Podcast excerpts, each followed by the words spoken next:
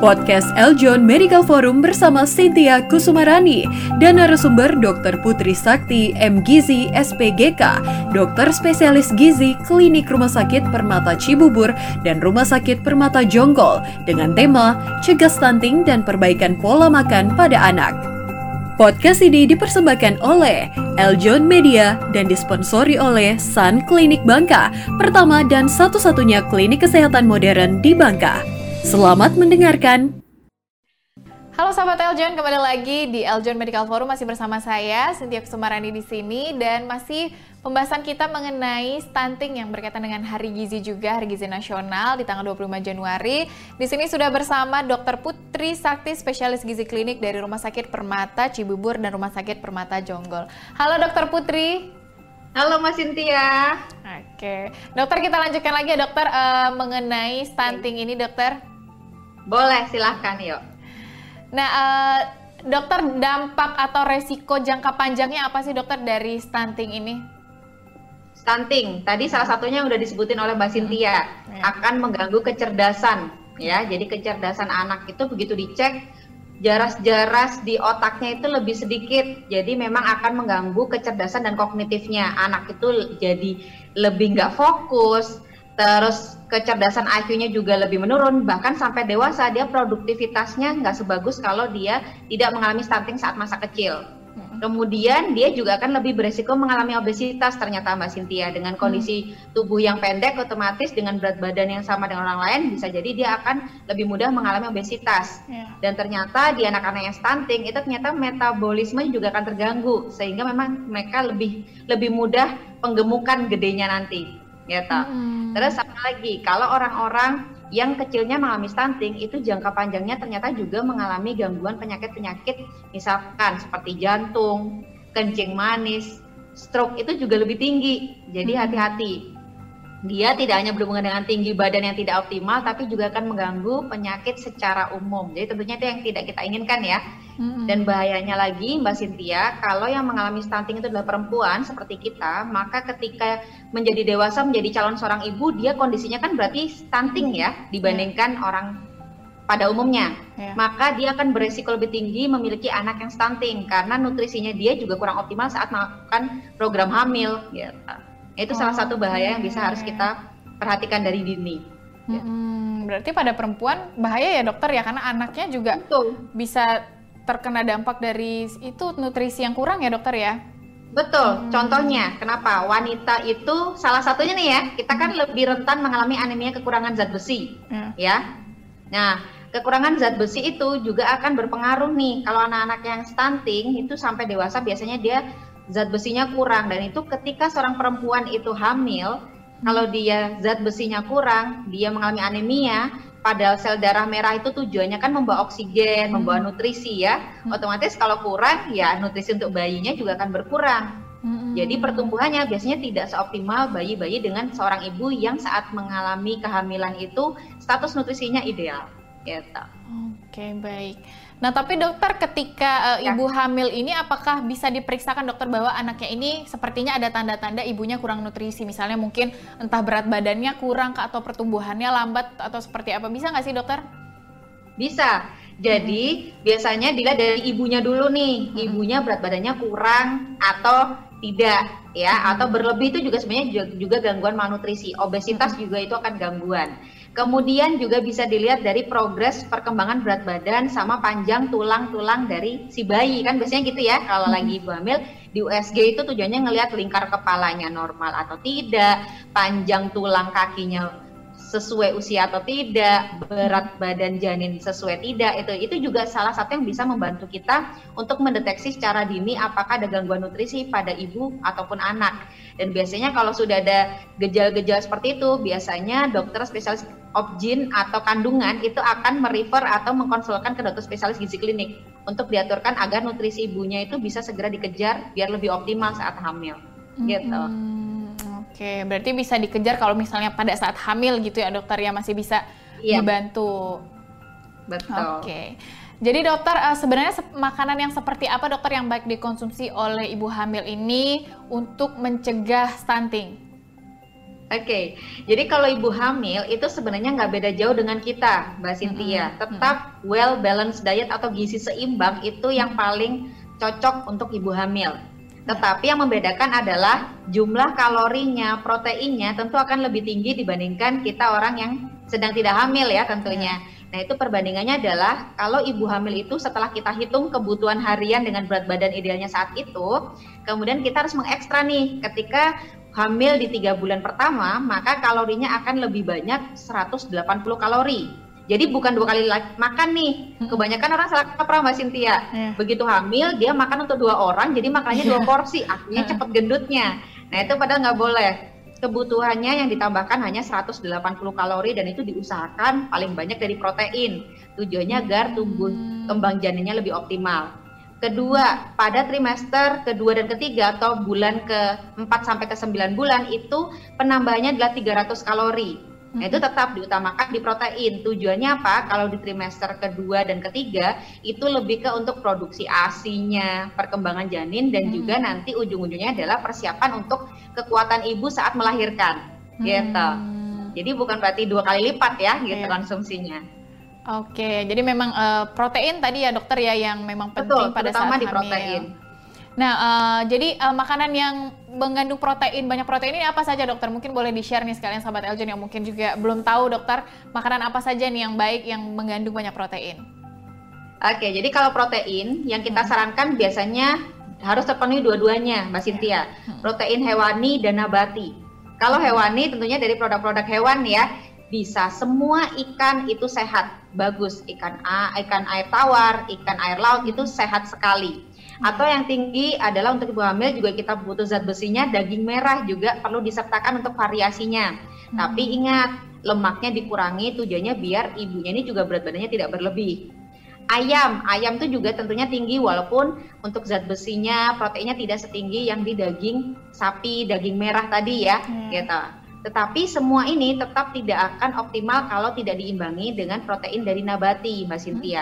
Hmm. Contohnya apa? Tahu tempe, atau mungkin kalau misalkan lagi pengen tahu tempe ya, bisa divariasikan, kita edukasi untuk konsumsi dari kacang-kacangan.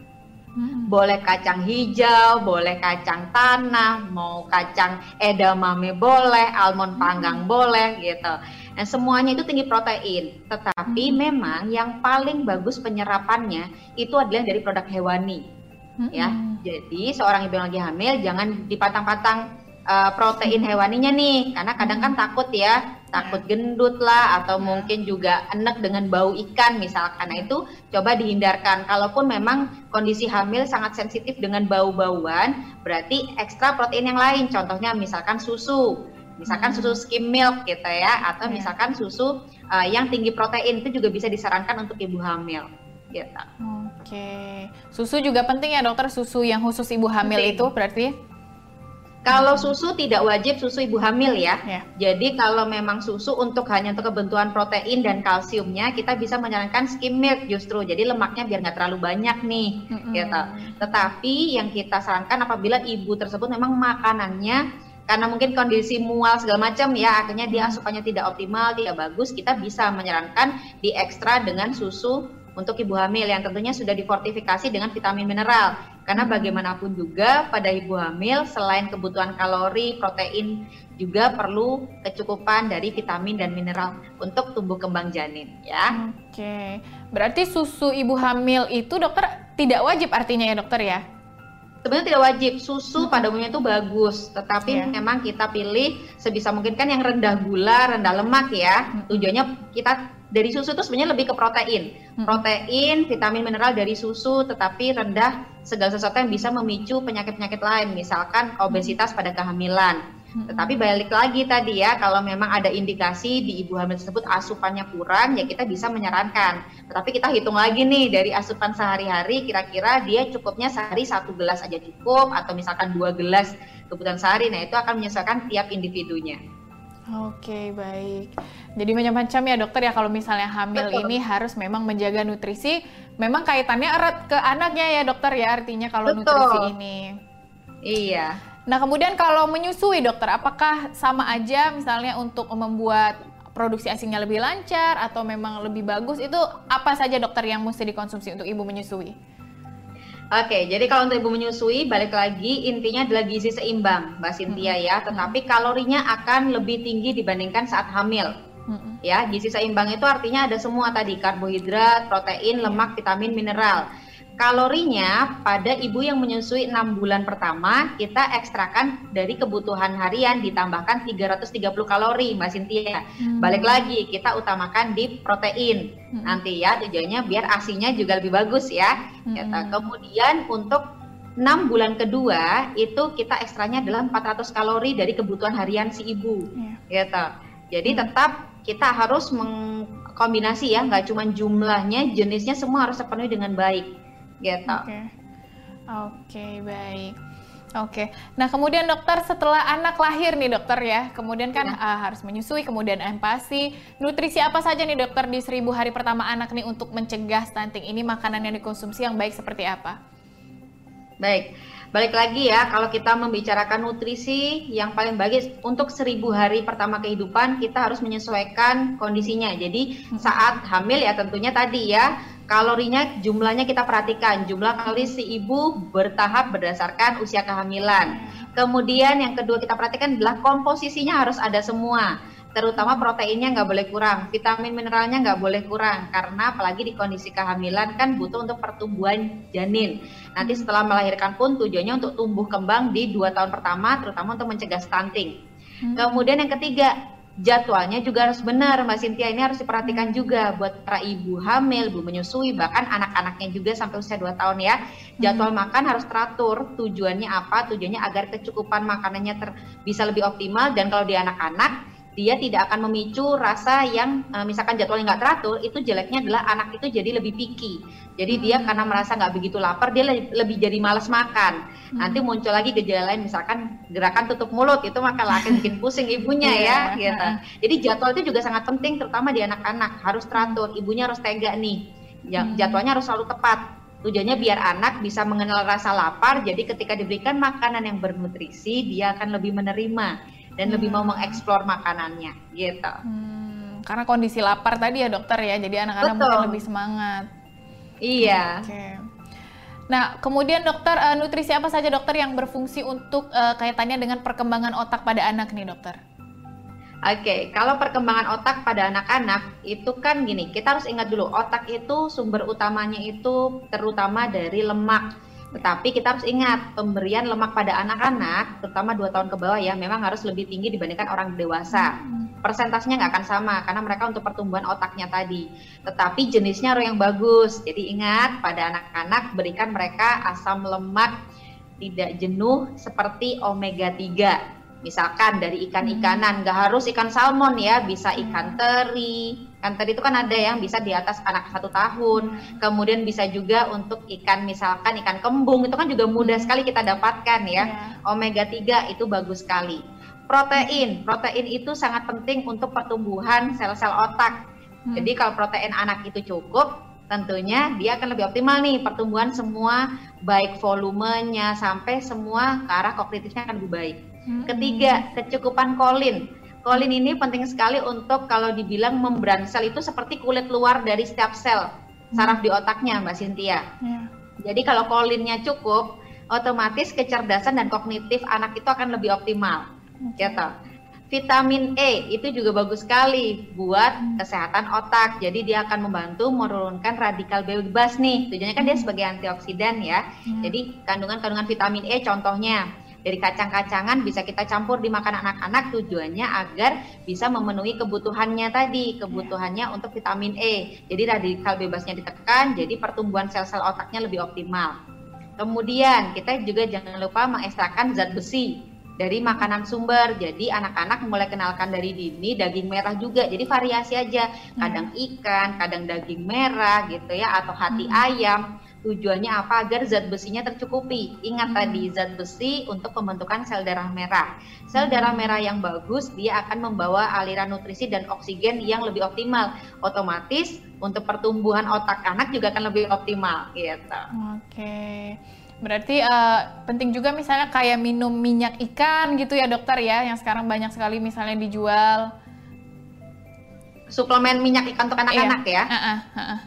Nah, itu sebenarnya tidak wajib, tapi kita harus balik sebagai orang tua. Kita lihat kalau memang anak-anak kita asupannya sepertinya ada yang picky gitu ya, nggak suka ikan sama sekali yeah. dan udah dicoba segala macam nggak memungkinkan, itu boleh menjadi salah satu uh, pilihan, tetapi harus dikonsultasikan lagi kepada dokter ya, yeah. karena bagaimanapun juga omega 3 kalau berlebih itu ada efek samping yaitu lebih mudah perdarahan. Nah, padahal kita belum tahu anak tersebut itu bagaimana sih pembekuan darahnya normal atau tidak, bagus atau tidak gitu. Jadi tentunya itu akan menjadi beberapa pertimbangan. Oleh karena itu, kalau sudah membicarakan suplemen, selalu kembalikan konsultasikan ke dokter anaknya ataupun ke dokter gizinya, gitu Mbak Cynthia. Hmm Oke, okay, baik, baik.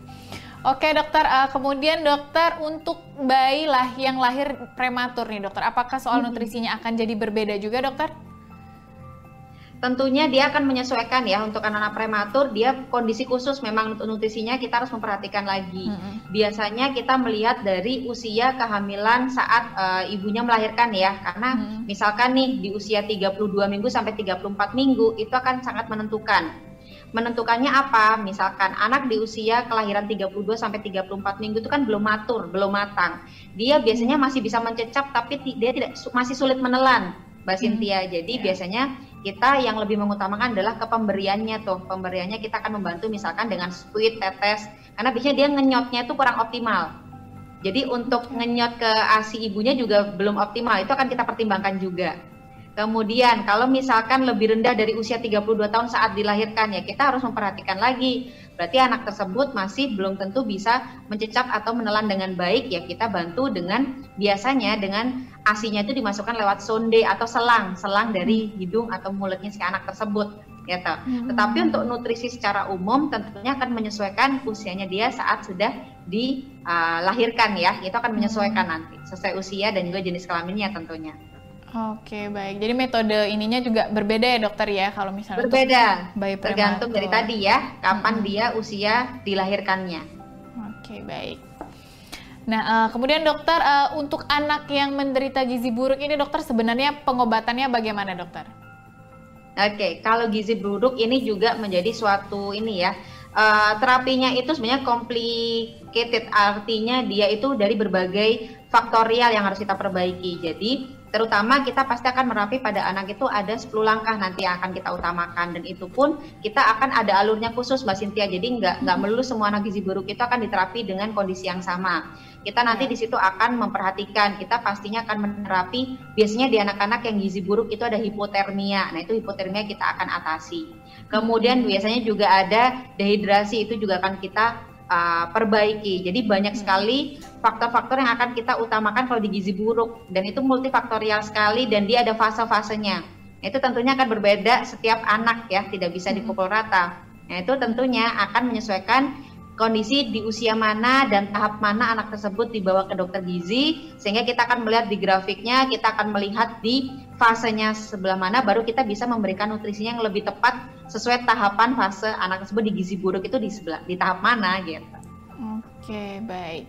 Jadi sebenarnya penting juga ya dokter ya pada saat kecil, pada saat anak-anak ini uh, pergi ke dokter spesialis untuk memeriksakan uh, gizi gitu ya dokter ya tentunya sangat penting sekali karena hmm. tadi yang saya bilang ya anak-anak itu bahkan sampai dibuat grafiknya khusus benar-benar mulai usia kemudian tiap tinggi badan berat badannya sampai jenis kelaminnya akan sangat berbeda jadi nggak bisa seperti orang dewasa yang sesimpel oh lihat ya oh hmm. sekarang masuk obesitas oh sekarang masuk berat badan ideal ya. jadi akan lebih bagus kalau rutin saja dibawa ke dokter spesialis anak untuk dicek nih kurvanya itu sudah normal atau tidak seperti itu hmm. gizinya tercukupi atau tidak karena yang perlu diingat tidak selamanya yang gizi kurang atau gizi buruk itu selalu pada orang-orang yang misalkan perekonomiannya menengah ke bawah itu tidak selalu terkadang hmm. menengah ke atas pun juga bisa mengalami Mbak Sintia entah hmm. karena kondisi penyakit atau misalkan karena kurang pengetahuan orang tua gitu ya bahwa yeah. nutrisi yang tepat itu seberapa banyak nutrisi yang tepat itu jenisnya seperti apa seperti itu. Betul. Jadi, Jadi bisa menyerang, dilakukan ya. Menyerang siapa saja sebenarnya dokter ya.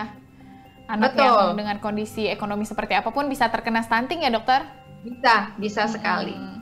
Oke, nah terakhir dokter Putri, uh, jadi dokter sebenarnya apa sih dokter pentingnya nutrisi yang seimbang pada anak ini? Kita berkaitan juga dengan hari gizi ya dokter ya, yang pastinya mungkin gizi ini penting sedari anak-anak. Jadi apa yang ingin dokter Putri sampaikan mengenai pentingnya nutrisi yang seimbang untuk anak dokter? Silakan.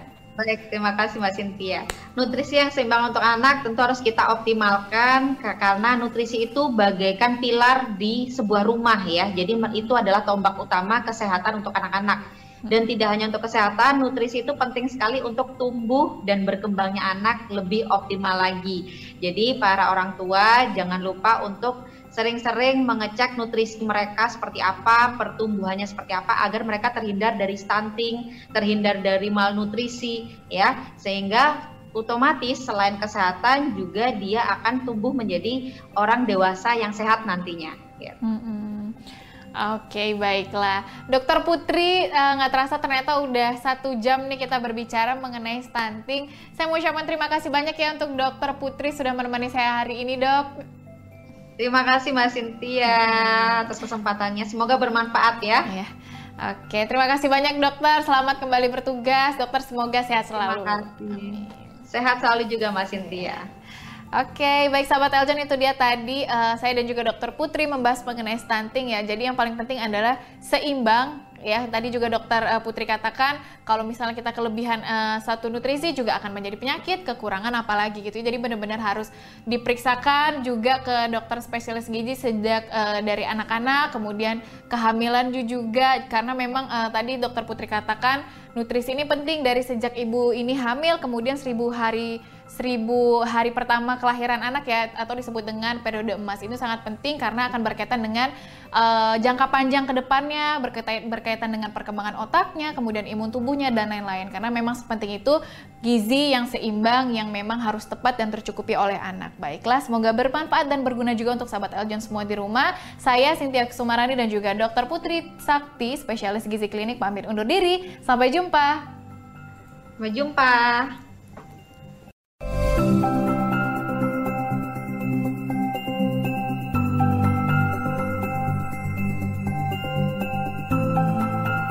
Terima kasih telah mendengarkan podcast Eljon Medical Forum, persembahan dari Eljon Media dan disponsori oleh Sun Clinic Bangka, pertama dan satu-satunya klinik kesehatan modern di Bangka. Jangan lupa follow podcast Eljon Medical Forum di Spotify.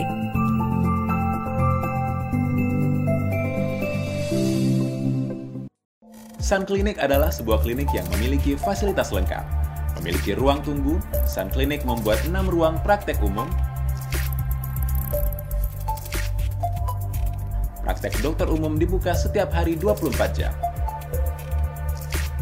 Semua pelayanan Sun Clinic merupakan pelayanan yang holistik. Laboratorium Sun Clinic adalah laboratorium modern dengan menggunakan mesin-mesin laboratorium yang terkini.